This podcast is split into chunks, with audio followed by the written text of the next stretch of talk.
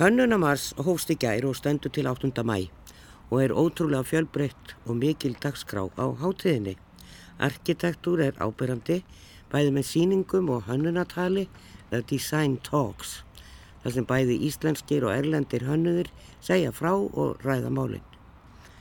Við ætlum að rega nefið í þætti dagsins og ræða við Steinþór Kára Kárasson, arkitekt hjá Kurt og Pí Stofa sem að hannað hefur nokkur listasöfn og eru nú ráðgjafar við Norrannahúsið.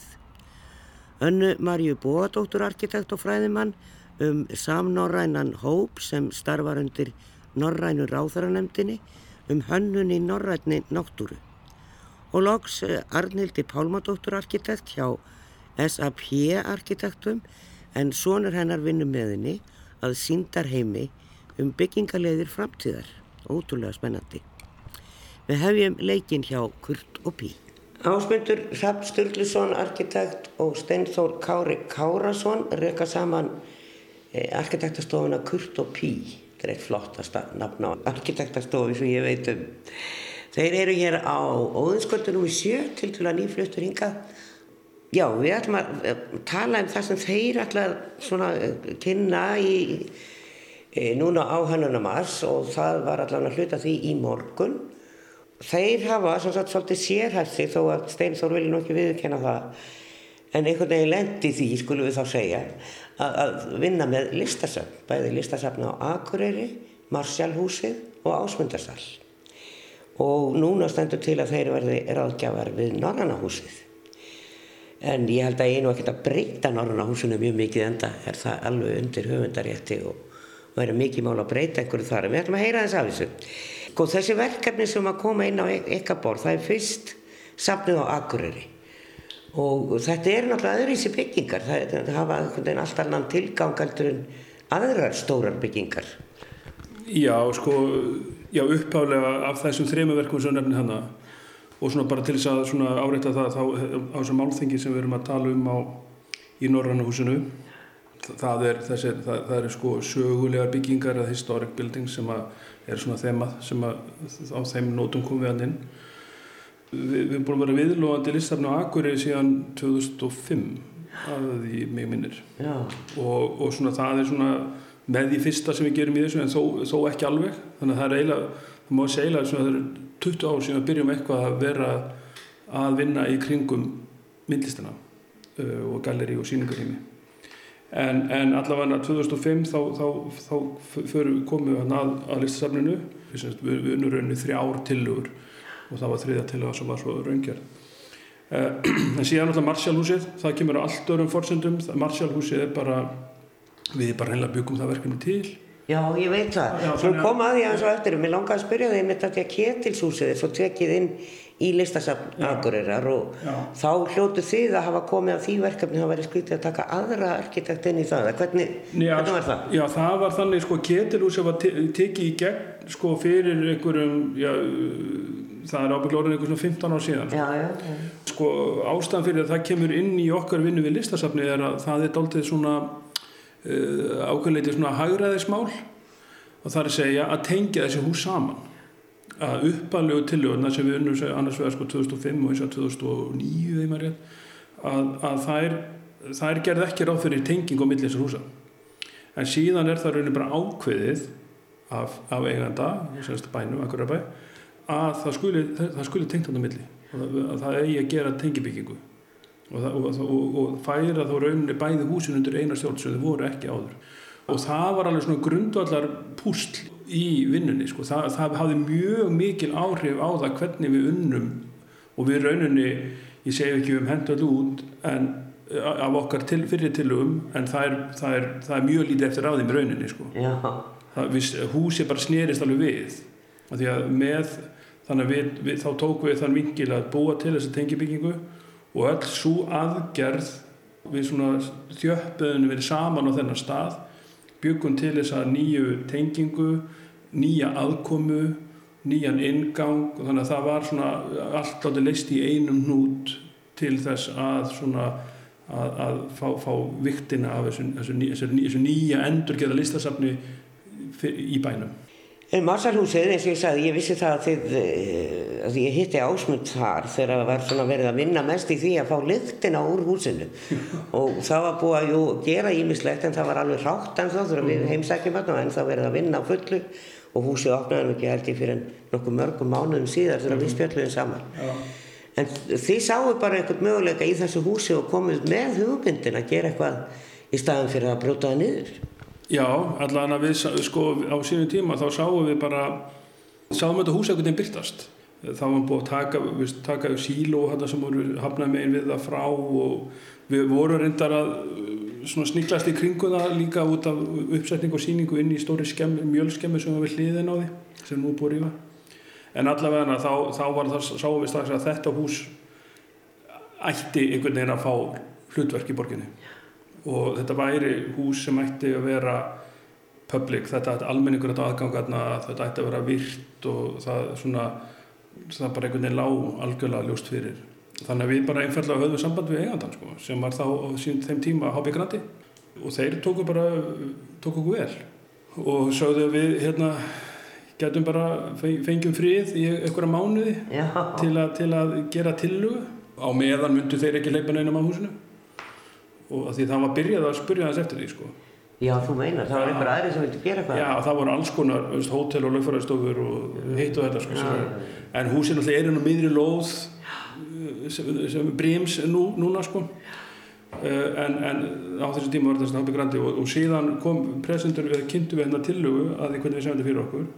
Og þeir bara, já, það, þetta er bara sögut hérna, og þetta var lagt fyrir stjórn og og svo bara rúlaði boltin áfram og, og, og við, við, við hérna, tengdum, tengdum þá við borgina.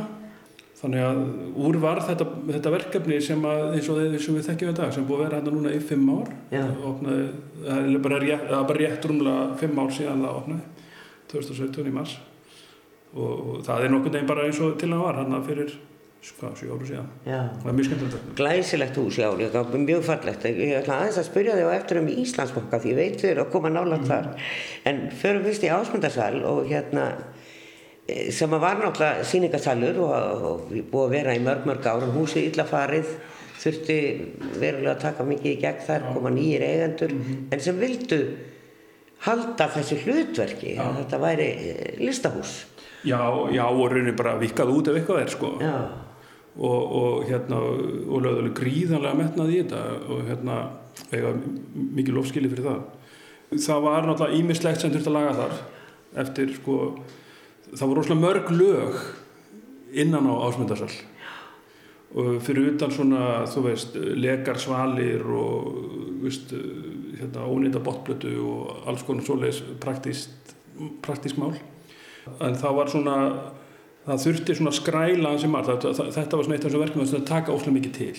Og, og þannig höfum við bara alltaf nálgast það. Við bara, við erum þetta með að finna kjarnan sko, að það er, ef maður svona fer í gegnum það sem hefur verið en áður það búið bæta við alls konar, maður sér það bara hvernig eh, rama, raflagnir eða þú veist uppbygg gólf eða skrítnir vekkir, þú veist bara við reynum bara einhvern veginn að þetta er bara, þetta er næstu eins og forðlega sko, maður er bara einhvern veginn að skafa svona út sko það var, það var eitt, eitt atrið þarna svo var annað líka að við, við náttúrulega það, það, byrtist, það byrtist eins og til dæmis í salnum upp í síningasalnum taka út hérna, parketti sem var komið þar yfir búið að vera í ára tíu og byrtist allt í þetta terrassogól sem að sögur hafði farið af sko, en ekki margir þekkt.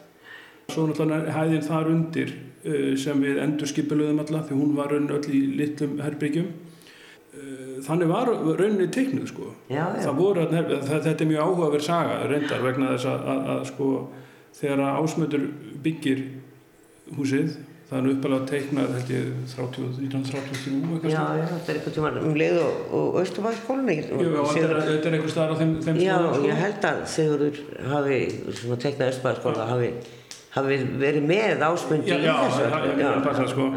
en þá var salar megin, allt svo í húsinu. Húsi er rauninni tví skipt sko. Þar var bara eitt gólf þannig að það, salurinn var alveg hæðinni herri sko. Já. þannig að allt, allt þar allir, allt sem við, við þekkjum núna sem neðri hæðina þeim megin, þar sem að kaffihúsið er það var salargólfið.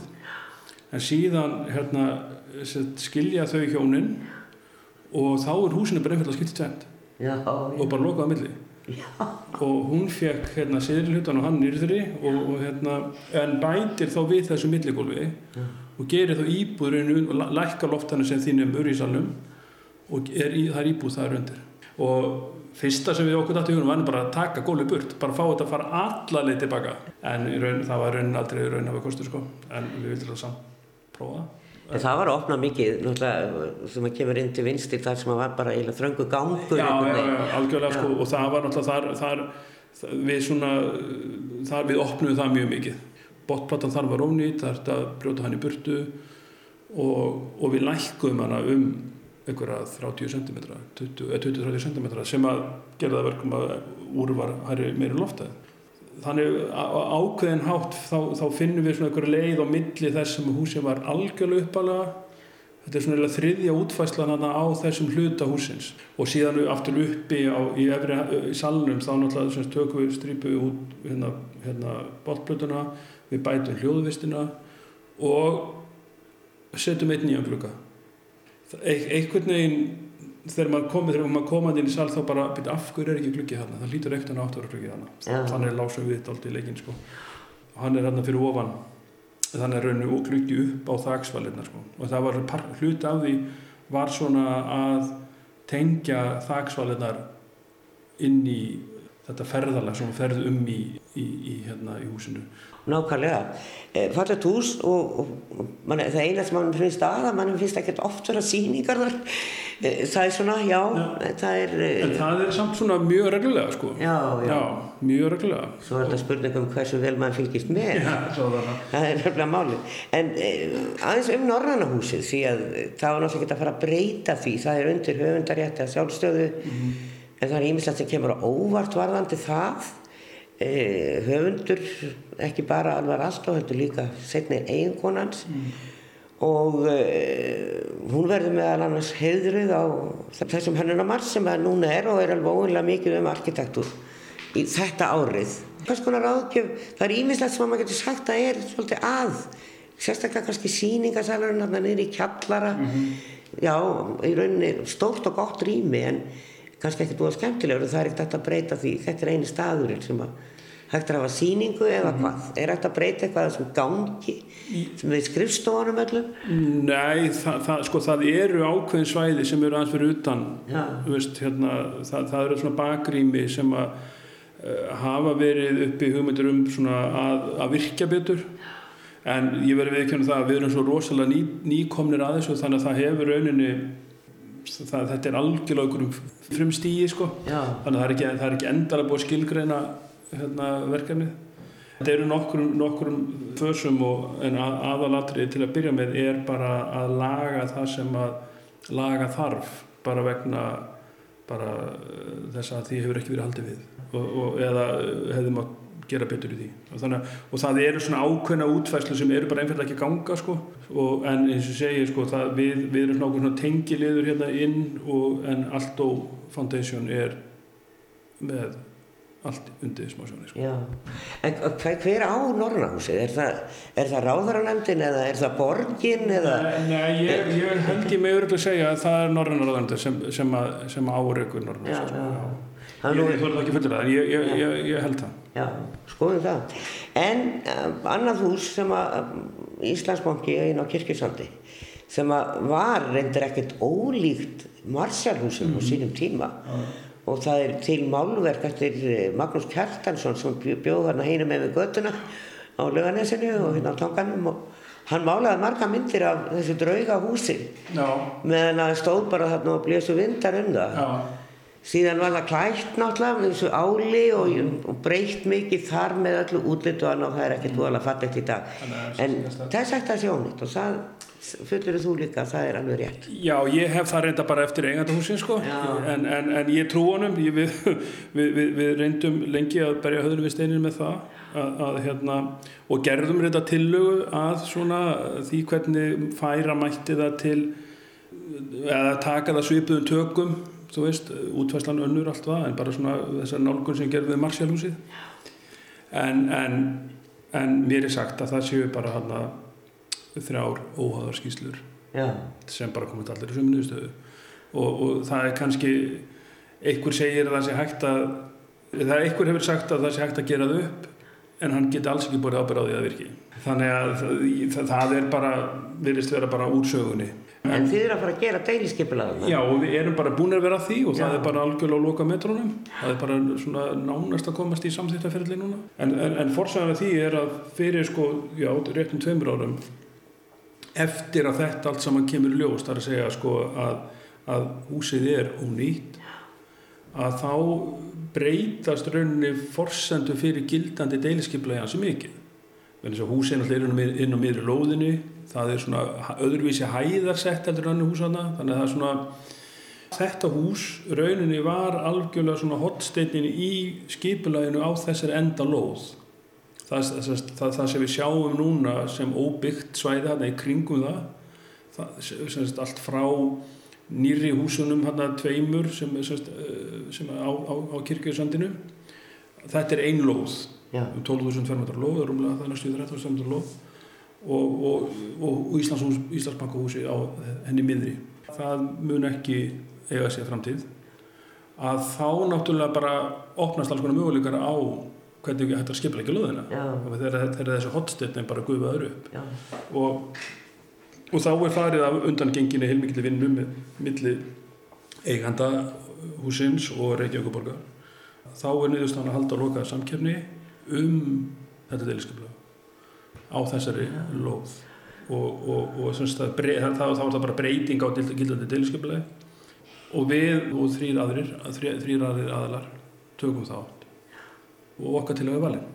Hluti af forsögn keppninar var að að byggja hús þarna á staðnum sem að end, endur ómaði aukvönd hátt gamla hérna, Jú- Júpíter og Mars hér, hérna Já. fristu þessu sín tíma Þa, það væri svona hérna, bæri þess sterk einkenni en að öðru leiti okkur lagt í, okkar höndu hvernig við myndum útfæra það en það var alveg, það var samt sem var svona líkil púsl í, í samkeppninni að það þurfti að byrta þarna á einhverjum á lóðinni Já, skemmtilegt.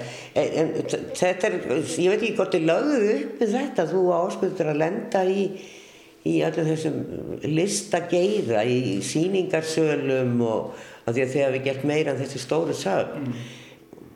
Svo er þau með stjórnarhansbygginguna nýju sem er líka tengist gamlu húsi. Allan hátt þó? Já, já, já, það er náttúrulega ný bygging, þannig hérna, sem við ætlum nú að tala um síðar Já. og, og skoða betur, en hérna, já, er teknar aldrei bara blokk? Nei, við höfum aldrei tegna blokk sko. en, en við verðum alveg til að tegna blokk í sjálfu sér. En, en sko, jú, það er náttúrulega við vitum ekki hvað verður úr hann á kirkjusandi. Þetta eru náttúrulega þetta sem sagt, þetta eru fyrst og fremst íbúðar hús sem verða þar. Og hérna, en það er, sem, það er ekkert komið lengra en de, á deiliskipulags stig en, en það er deiliskipulagi gerir ráð fyrir fimm byggingum.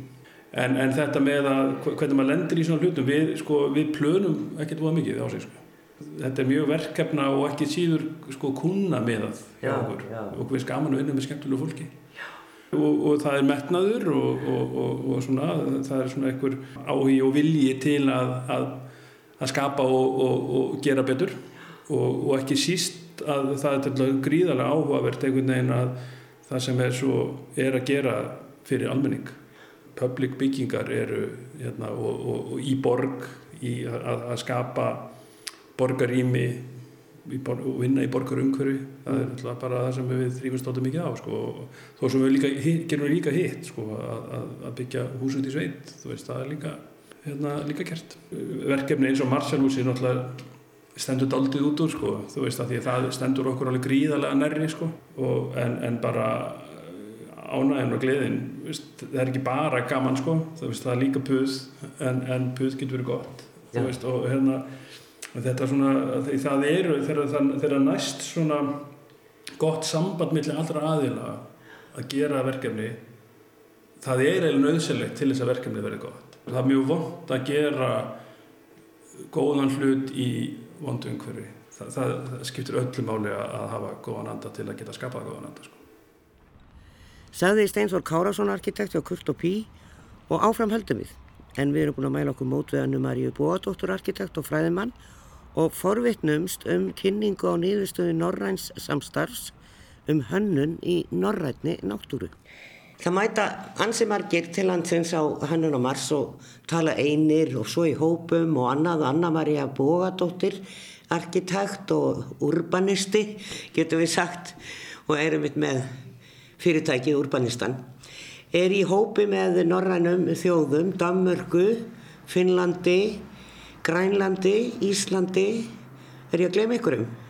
erum við ekki að gleyma Nóri Nóri, já, líkil, þjóð þetta er nákvæmlega sem er mikla náttúru því að þetta er um hönnun í norrætni náttúru hvað eru þið búin að vera að gera? Í hverju eru þið að pæla? Já, þetta er eitt af fjölmörgum verkefnum undir hatti e, sjálfbærni í ferðamennsku sem var hluti að formensku verkefni Íslands í Norrannur áþarnemdini og undanfarið þrjú ár hefur raunverulega ég e, fyrir hönd miðstöðar hönnunar arkitektúrs haldið utanum uh, þetta samstagsverkefni þar sem við verðum að skoða aðferðfræði hönnunar sem tæki til að hérna, nýta í þeim tilgangi að hérna, bæði vernda náttúruna um leið og við erum að, að greiða aðgengi að henni uh, upplifin okkar og hérna, í, í ljósissu sé þess að því náttúrulega umhverfi er svona eitt stærsta, ef ekki stærsta aðdráttarafli þegar það kemur að, að, að ferðamennsku, ekki bara í Íslandi, heldur öllum Norðurlöndum og þannig að það eru mjög sambarlegar áskoranir hvað var þar að standa vörð um náttúruna og við erum náttúrulega hluti af náttúruna, allt er, er samtengt. Að við þurfum að finna einhvern svona jafnvægi í, í því að, hérna, geta farið út og, og verið í tengingu við náttúruna og verið í svona, svona stórkostlegu náttúru upplifin sem við getum átt á Norrlöndunum en um leið þurfum við að vernda fyrir ofmiklum ágangi, við þurfum líka að tryggja öryggi, við þurfum að huga því þeir innviðir sem við erum að, hérna, að hanna og byggja hvernig, hvernig endast þeir? Og í þessu verkefni höfum við raunverulega verið að rýna í bæði í hönnunar hefðina, í söguna. Þetta eru staðbundnar lausnir sem við erum að skoða. Hvaða efni virka þau, það sem virkar til dæmis hér virkar ekkit endilega alltaf annar staðar Já. en í sumun tilfellin getur verið að læra hvert á öðru að við erum öll með þessar samílegur áskoranir og svo er líka áhersluna það að nýta sér e, samstarfið, maður horfa bæði í söguna sagði ég en líka til, til framtíðar nýja, nýja tekni og nýta hönnunan til þess að íta eh, svona ábyrgri nálgun okkar, ábyrgri umgengni okkar í, í náttúrunni um leið og við erum að fá tækifæri, ný tækifæri til að njótunar. Eh, þetta er náttúrulega afskapla ólík land, Grænland eins og það er sem er náttúrulega bara í rauninni stein Danmörk sem er byggð bara frá, frá eiginlega öll ég held að sé vata til vilt náttúra í Danmörku en þó eitthvað. Ég bjóð það nú lengi og ég man ekki eftir því að hafa ekki komið að grindverki. Það er allt manngert meira og minna. E, svo erum við náttúrulega með Finnland þekki það ekki mjög mikið en ég hugsaði að sé nú bara mikið á náttúru þar. Og svo í Noregi, við minn almáttur en þetta eru mjög ólík lönd samt sem áður Þau eru ólík á margan hátt eins og nefnir til dæmis Grænland, það er bara einverulega nánast engir innviðir. Það sem er samið er að náttúrun er þetta aðdráttarafl og, og líka þessi svona, getur gefið okkur svo mikið Já. og mikilvægt við séum í tengslum við okkur sjálf og þar með, þar með náttúruna og svo hefur líka syngt sig að hérna, margt sambarlegt til dæmis í ákveðnum norsku fjörðum og íslensku fjörðum og áhugavert líka og nefnir sko Danmörku þess að svona kannski eitt af því svona allra ja, mjög, mjög mangjersvæði en þeir eru að snúa hins vegar til þess að, að raunverulega náttúrun er að fá aukin svona hvað kallast þetta? Auki vægi Já, auki vægi líka lagalega og ekki bara, þú veist, það hefur verið raunverulega að það hefur verið að tala um rétt náttúrunar sem hérna stjórnarskráður sko, rétti náttúrunar sem þýðir það að við þurfum raunverulega og, og við verum að horfa á það hvernig hönnun getur hjálpað okkur að breyta kannski umgengnu okkar og breyta hérna, aðtöfnum okkar til betri vegu á forsendum náttúrunar og þá er ekkit endilega bara alltaf verið að tala um, jú, vissulega vernda en líka að, hérna, að kannski stíga inn í og, og, og gríp inn í en þá á hátt það sem náttúrulega nýtur virðingar. Og við höfum valið dæmi sem eru byggð í, í löndunum til þess að sjá hvernig svona byggð dæmi og hvernig hönnunarverkefni geta verið ákveðin leiðavísa til framtíðar. Og þar erum við bæði að skoða til dæmis eins og ákveðina stígagerð, við erum að skoða skiltakerfi, við erum að skoða skíli og hérna útsýnispalla e, allt saman í, út í náttúrunni. En það er líka verið að skoða eitt af dæmonum til dæmis sem að tekið í Noregi heitir Healing Landscape heilun landslagsins sem snýra því að hérna, endurheimt náttúrunar, hvernig við erum að beita hönnun til þess að hjálpa náttúrunum við að ná sér áttur á stryk eftir að það hefur verið gengið um of á hana. Við erum náttúrulega búin að vera að byggja eitthvað en það er náttúrulega búin að vera að tala um þetta núna síðast leginn fimm ár eftir að túrismin var svona mikil hérna og við sjáum það alveg á suma staði sem að kemur á að það er, það er ekkert, það er ekki eins og klósett og það er engin leiðavísir í rauninni og bara ekki búið að gera neitt en svo eru landeigendur farnir að gera þetta mögulega sjálfur sumstaðar af því þeim líst ekkert á ágangin og alltinu verða einhverju staðir óbúslega vinsalir sem að voru það kannski ekki áður og, og kemur alveg fjöldimanns bæði íslendingar og útlendingar.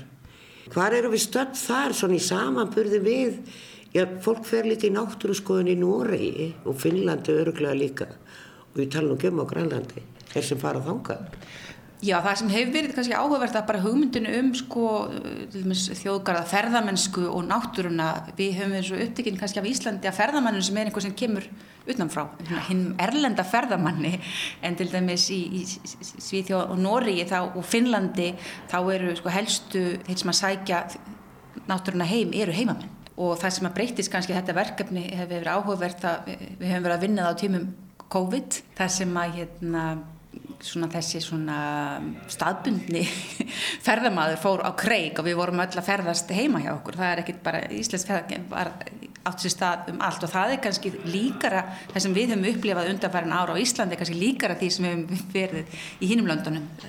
En við höfum kannski ferðað þjónust á Íslandi það hefur verið mjög svona með mikla áherslu á erlendaferðamannin. Þú nefndir hérna, sveitafélög og einstaklinga og hérna, landingundur sem eru hérna, eiga frumkvæði að verkefnum og sömur kannski e, hafa ekkert verið að reyna að trekja að ferðamenn, þeir hafa kannski bara verið með perlu í, í, í túnfætinum og þurft þá að breyðast við allt í einu þessum áhuga og og ágangi en það hafa verið mjög stór verkefni ofinber og svona farið út í að styrkja verkefni sem geta verið að frumkvæði landeganda eða þá sveitafélaga, það er eins og hérna, frangöðarsjóðu ferðamannastaða sem er veittir úr stórar fjárhæður hverju ári og, og reynda að huga að gæðum og líka áherslum far, far sem mikilvægt að, hérna, að byggja upp. Og þá hefur líka verið ákveðin svona áfangastaðgreining, áfangastaðáallun þannig að það sé ákveðin samhæfni því far sem mikilvægt að byggja upp.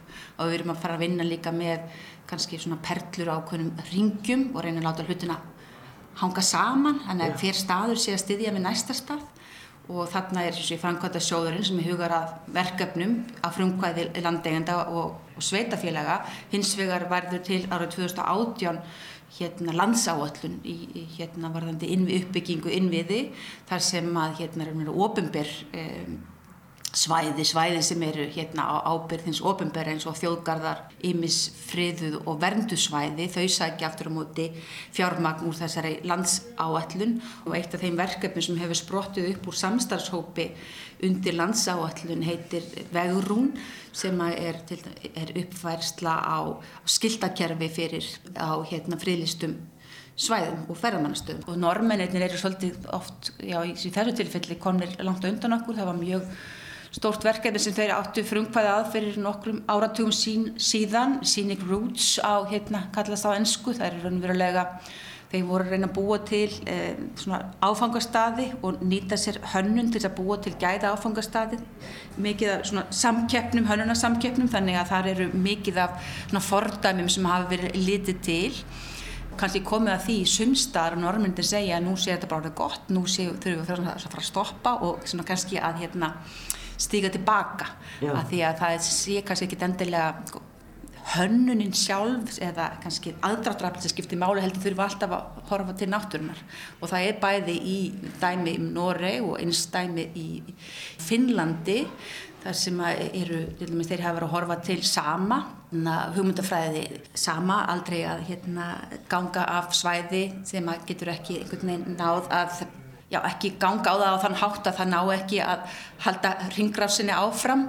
Og það eru dæmi um eigu í Finnlandi þar sem að einmitt svona hálgirinn helgi stað sem var orðin mjög vinsæll og eftirsóttur staður en það sem að lausnin þar, hönnunarlausnin var lögnulega að fjarlæga innviðina ja. að því að þess að leifa lögnulega þessum helga stað að fá að vera í friði á eigin fórsöndum án ágangs þannig að það getur alveg verið þetta svona þetta íkta dæmi að stundum eru við að gera minna og við erum að draga í land og svo erum við aftur móti beina kannski beina okkur í aðra rátt. Sumstaðar er kannski búið að hérna, til tölum um goða fór sér gott aðeim á Íslandi það er búið að ákveða þetta á að verða við þurfum að geta tekið það móti mjög miklu massa ákveðnum stöðum mjög viða í þjóðgörðum okkar eins og þingvöllum. Það er bara miljón og miljónir á íslenska mælikvara sem þurfa að geta farið um þessi svona mest sóttu svæði og, og og við þurfum að vinna með þau á þessum fórsendum þessar stóra skala og þessum mikla massa og svo er líka mjög mikið af, svæðum sem eru bara ofiðkvæm og við þurfum að vernda þau fyrir ágangi þannig að lausnin til að vernda er ekki endilega að koma með ný, nýjan innvið heldur mögulega getur það verið að fjarlæga innviðan. Þá fyrir mann svona kannski í lókin að hugsa um og þetta kostar allt og það er aftalega og, og þeir kvarta bæði landeigendur og ferðarþjónustu fyrirtækin að það sé bara alls ekki nærinn og mikil peningur í, í sjónum til þess að bjarga. Til dæmis þar sem að er, sem við segjum bara gullfoss, þingvellir, góðafoss og margir aðri staðir, landmannalögar, þósmörg á þetta ekki bara að kosta eitthvað? Hvernig á að hefta þetta? Á mörgum stöðum þá þarf þetta að greiða fyrir og það eru takmarkanir hvað mega margir koma á hverjum tíma og þú þarf bara hreinlega að panta að fara þangað á þennan ákveðna stað. Þetta er eitt af því sem hefur líka verið rætt í, í þessum hópi að það er þessi, þessi hugmyndum almanna réttin. Við, já, á, á, á Norrlöndunum það eru mismunandi kannski svona blæbrið af þessum rétt eftir, eftir löndum, þau eru ekki öll eins en til dæmis eins og í, í Grænlandi það getur enginn eignast eitt land þegar all land í Grænlandi er bara sameigilegt land og getur fengið rétt til þess að byggja eitthvað en það er bara þetta er sameigilegt og við erum með þennan almanna rétt að geta, að geta ferðast um alla staði án þess að greiða fyrir það. Þetta er ekki, þetta er ekki eign einhvers jafnvel þetta sé sko þannig að það er mjög sterk vitund okkar norrætna samfélaga um þennan almanna rétt. Og þess vegna hefur líka verið mjög mikil viðbröð við því þegar hefur við að fara að fara á að borga fyrir að koma inn á staði. Og til dæmis eins og var gerð breyting á lögum um frangvöldasjóðin þess eðlis að, að verk, verkefni sem að fá styrk úr þeim frangvöldasjóði þau þurfa að vera aðgengilega öllum, það er allir að eiga rétt á að sækja það staði hins vegar máttu þá óska eftir að fá greitt fyrir ákvæmna þjónustu á þessum stað. Þetta er mjög sambarlegt myndi ég segja og í þessum samræðum við innan þessa hóp sem hefur komið að þessu verkefni í, á hinnunarlandunum að það er líka þessi sterkir réttur þessi sterka meðvutund um, um þennan almanna rétt og mm. að hérna en í honum ferst ekki bara uh, réttur eða réttindi þess að gangum heldur líka ákveðinu skildur og erum að tala um að við, það er mjög mikilvægt að líka að við göngum þá vel um. Þessu fylgir ekki bara réttur, heldur líka skildur og það sem hefur breyst á Íslandi og í öllum Norrlundunum er kannski að frá því að hinga komu fyrst og fremst svona náttúru áhuga menn sem voru vanir göngugarpar eða vanir að hérna, ferðast um, um hættuleg svæði sem að náttúrun sannarlega er.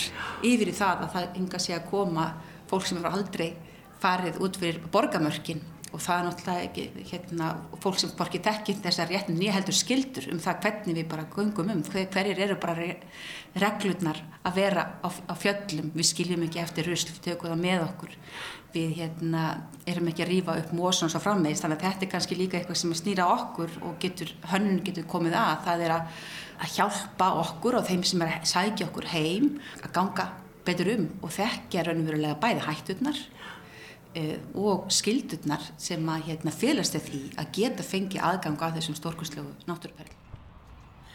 Sagði Anna-Maria Bóadóttur arkitekt um Norrænt samstarf.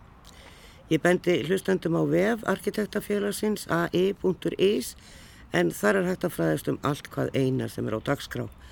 En kynning Norræna hópsins fer fram á morgun 7. mæ í Grósku. En að lokum skulum við heilsa upp á Arnildi Pálmadóttur arkitekt hjá Saab arkitektum en hún og sonur hennar horfa svo sannarlega til framtíðar. Hér fyrir ofan bókabúð Braga, forbókasölunans Braga hérna niður við hotnið á Klappastíg og hverfisköttu er e, náttúrulega mörg fyrirtæki þar á hæðunum fyrir ofan og meðal annars e, Saab arkitektar. Það er Arnildur Pálmadóttur og Arnar Skarpíðinsson, sonur hennar sem að vinna hér og eru með e, já, svona design talk. Er ekki bara hönnunatal hvernig líst þér á það Jú, það er hljómað mjög vel Ég hlustaði nú á podcast sem að var tekja við þig eða hlaðvarp sem að þessum að þú ert að lýsa þínum og hans hugmyndum að vinnu við hannun og þar er svona, má maður segja kannski þver fagleg sín og ímyndunaraflið spilar doldið stóra rullu. Okay. og að maður geti ímyndað sér eitt og annað sem ekki er í dag því að við náum ekki utanum það sem að mögulega gerist í framtíðinu og þá við sjáum nú bara hvernig þróun hefur verið síðustu 30-40 ár. -hmm. hvernig verður þetta eftir 30-40 ár? Og við verðum að fara snúa blæðinu við segja okkur aðeins að frá eitthvað vinnu. Já, þetta kannski byrjar ég kem náttúrulega svona úr hefðbundnum arkitektur, ég teiknaði mér sér á pappir ég er um það gömul að ég, fyrst mín fyrstuður ég var að vinna sem tekniteiknari teiknaði á pappir, þannig að ég kem svona úr sem hefðbundna heimi þar sem að ég bara, maður vinnur og, og, og hefðbundin hátt í takt við það sem verktakandi vilja og, og verkkauparnir og svo leiðis, en svo breytist þetta aðeins, ég fór í meistaranám í skóla út í Barcelona sem er svolítið svona framsækin bæði í lofslagsmálum og, og nýsköpun. Þannig að verkefnin urðu að vera þannig. Og svo kom ég heim í svona kreppu þar sem að var ekkert verið að byggja og, og hérna lítið náttúrulega tilraunir í arkitektúru og, og verkefnum.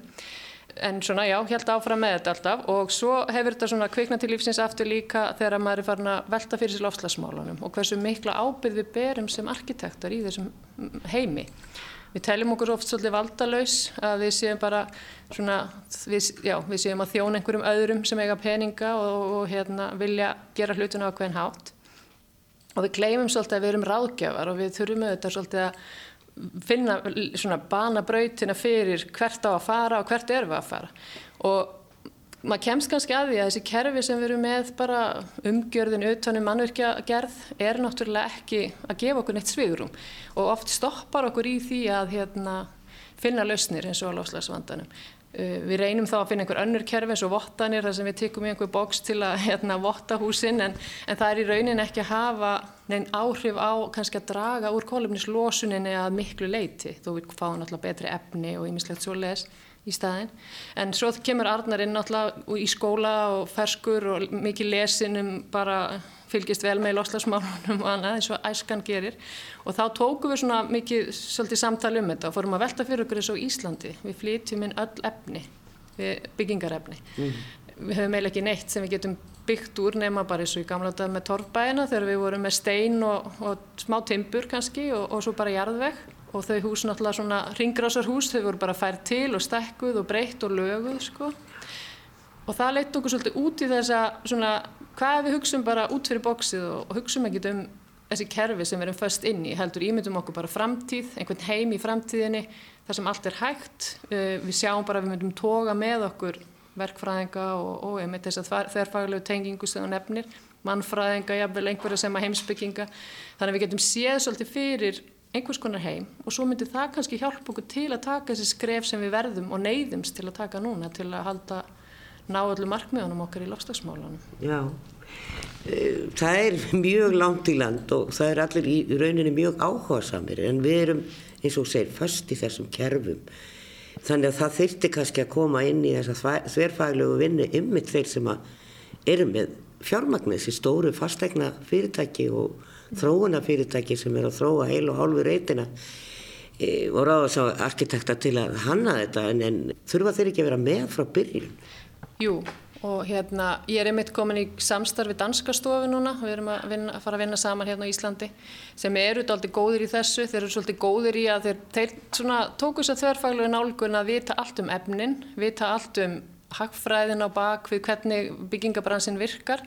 Þannig að það sem þeir gera er að þeir endurnýta byggingarefni, þeir leita byggingarefnum á stöðunum sem þeir eru að vinna, þeir þrá úr því nýjefni þannig að verður einhvers konar ringrás og þeir reikna þetta allt út. Þeir reikna út kólefnissporið, innbundi kólefni, þeir reikna út hvaða kólefnisspor uh, nýja efnið hefur. Þá er svo auðvitað að tala við þetta fólk sem á þess að þróunareiti að því að þarna kemur bara í, í ljós hvort þetta er, hagkvæmt eða hvort þetta er hagkvæmt eftir einhver ár og það er hægt að kynna þetta á einhvern veginn miklu betri hátt og fá það frekar þess að þróunar aðeins með og segir, það er algjörlega lífsnöðsynlegt. Þannig að þú ert að fara að vinna á þessari stofu í Danmarku eða? Já, við erum sem sagt að fara að stopna útibú hér Já. og SAP er svona að fara að rennu bara saman við þetta. Í rauninni munum við halda áfram með þessa hérna, tilgáttu heim okkar örglega líka bara svona sem hliðaverkefni en, en ég verð sem sagt yfir þessari, þessari hérna, uh, útibúi hérna á Íslandi og munum vinna bara þvert á lönd, lönd og, hérna, og, og reyna að finna góða verkkaupa hérna sem vilja vera með okkur í þessu. Og að ít okkur áfram að því þetta er það sem er líka framtíðin að nýta betur það sem við eigum. Ekki að rýfa bara niður uh, nema að vita þá hvað við erum með. Þannig að þeir hafa til dæmis verið að mappa heilu hverfin, borgarkverfin þannig að þeir reikna út innbundi kólefni hvað mikið að steipu, hvað mikið að timbri. Og svo hafa þeir hjálpa þeim þróunaræðilum að hérna, byggja nýtt í hverfinu án þess að rýfa allt kannski að taka eitthvað niður en færa það þá til innan loðarinnar ef nöðsynlegt er, er að taka eitthvað niður og finna svona góða lausnir á því. Já, ég veit ekki, er þetta þægilega að þetta er múrsteitt fyrir kannin steipa? Sko, já, þeir gerði mitt eitt verkefni fyrir Karlsberg versmiðunar, þess að þeir tóku, þá söguði niður heila útveggi sem er náttúrulega burðarvekkir þar en, en þeir notu það sem útveikjaklæðningu í nýjum húsum. En þeir gerðu líka, þeir sögðu líka niður steiftavekki, það er allt hægt í þessu og þó að kannski sumt að því sé dýrt og erfitt í dag, þá vitum við bara ef við prófum og reynum, þá er alltaf hægt að finna lausnir. Þeir til dæmis fundi út að þeir hönnuði þessi degi vélmenni, að því það var ódýrar að láta vélmenni skera út þessa búta og þá allt í þetta hagkvæmt frekar en að það væri einhver maður með uh, einhverja, já, einhverja, einhverja vél. sko, þannig, og þá getur sá maður gert eitthvað annað í staðin þannig að þetta er svona, það er auðvitað þessi þróun og þessi nýsköpun er auðvitað alltaf að, að reyna að finna nýjar lausnir en það er líka hægt um að prófa. Og kannski mistekst eitthvað og við vitum það í þessum málum mistekst kannski eitthvað og eitthvað hefur herrakólöfnisspúr heldur en hitt og eitthvað svoleiðis en við verðum bara núna að reyna að nýta betur efni sem við eigum og sjá hvað við getum gert úr. Mm -hmm. Sko, ertu að vinna að einhverjum svona verkefnum hér á Íslandi? Já, eh, við erum nefnilega, ég komst í, í svo gott samstarfið félagsbústæði sem hefði áhuga á því að prófa þetta og taka þetta skref í, í svona lengra heldur en kannski hefur verið gert. Og þar ákvaðum við að, sagt, eh, það er 500 fermetra fjölbílisús við stýrimannaskólan og þar ákvaðum við að reyna allt sem við gátum, getum og líka hérna bara viðkenni við getum ekki gert eitthvað. Og þar eru við til dæmis ætlum við að endur nýta efni í, í útökjaklæðningar og við ætlum að endur nýta steinefni uh, í, í gólvefni og ýmislegt annað. Og svo fengum við líka í samstarfi við þessa dönsku stofu, Linegar heitaðir og það, það fengum við lóð, græna lóð með yður þróunafélagi hérna á frakkastík og það er við að prófa líka að taka þessi mál svolítið lengra en hefur verið gert. Já, ég veit um eitt fyrirtæki sem að sapnar og hefur verið að sapna úr húsum sem á að rýfa, mm -hmm. bæði hurðum og, mm. og körmum og, og mögulega rafmaks kerfinu því að það getur verið ný, endur nýjað til dæmis og þetta endur nýtaða. Mm -hmm. En svo náttúrulega, og opnar náttúrulega sem hafa, eru bara teknar, þeim er hend. Okay en e, svo náttúrulega enda með að þetta fólk hefur ekki plás reynilega fyrir meira. En e, sko þyrfti kannski að vera svona meiri ég veit ekki alveg hvernig það er að segja coordination sko það sem að eitthvað samarænt kerfi það sem að fólk getur snúið sér og sagt hérna býtu ég er að fara að rýfa hús. Já. en það er að nýta heilmikið getur einhver komið. Já þú veist, og skoðað hvað og svo fer þetta bara í einhverja geimslistæði fólk mhm. getur sókt í verður það ekki svolítið sniðut? Það er náttúrulega mjög sniðut og það er hérna efnissmiðjan held ég að heiti Já. sem er á vegum sorpu sem er, gerir þetta hluta til Já. en hérna ég held einmitt líka bara að það þyrti mér finnst líka kannski að maður ætti í rauninni að þegar er gerður húsakannanir eða þegar er verið að gera einhver svona rannsóknarverkefni þá ætti að meta hvaða efni er í húsinu líka vegna þess að hústóðu séu hérna, ekki endilega friðið eða vendið eitthvað þá eru þau með þetta, þau eru með þetta byggingarefni innbundið í sér, kólefnis, hérna, kólefni innbundið þannig að það, allir myndu vita, það er bara svona mikið steipa í þessu húsi, Já. þannig að ef að ef að það þýrt að rýfa það það væri bara hægt að gera ráð fyrir því í einhverju öðru húsi sem væri verið að hanna Já. þannig að það er bæði bæði ætti að gera þetta í rauninni fyrir heilu hverfin og ætti að gera þetta fyrir, já, fyrir stök hús og vonandi bara eins og þú segir að það væri komið upp einhverjum, svona, einhverjum grunni sem fólk geti bara leitað að sínum efnum sem það, því vantar nýja glugga eða já, eitthvað svo leiðis og ég held nú reynda að það eru margir svona talum að gera þetta og vonandi fer þetta bara að gerast þetta er náttúrulega í Þýskalandi og Damörgu og þetta er alls þar annar staðar Þannig að það væri mjög gaman ef þetta er gert hér líka. Við erum alltaf aðeins á eftir. Já. En eh, hann er nú ekki á eftir, hann sonuðinn Arnar, hann er eh, sem sagt búin að taka BA hér í arkitektúr og er svo á leðinu til Bandaríkjana, til Los Angeles að taka masterinn.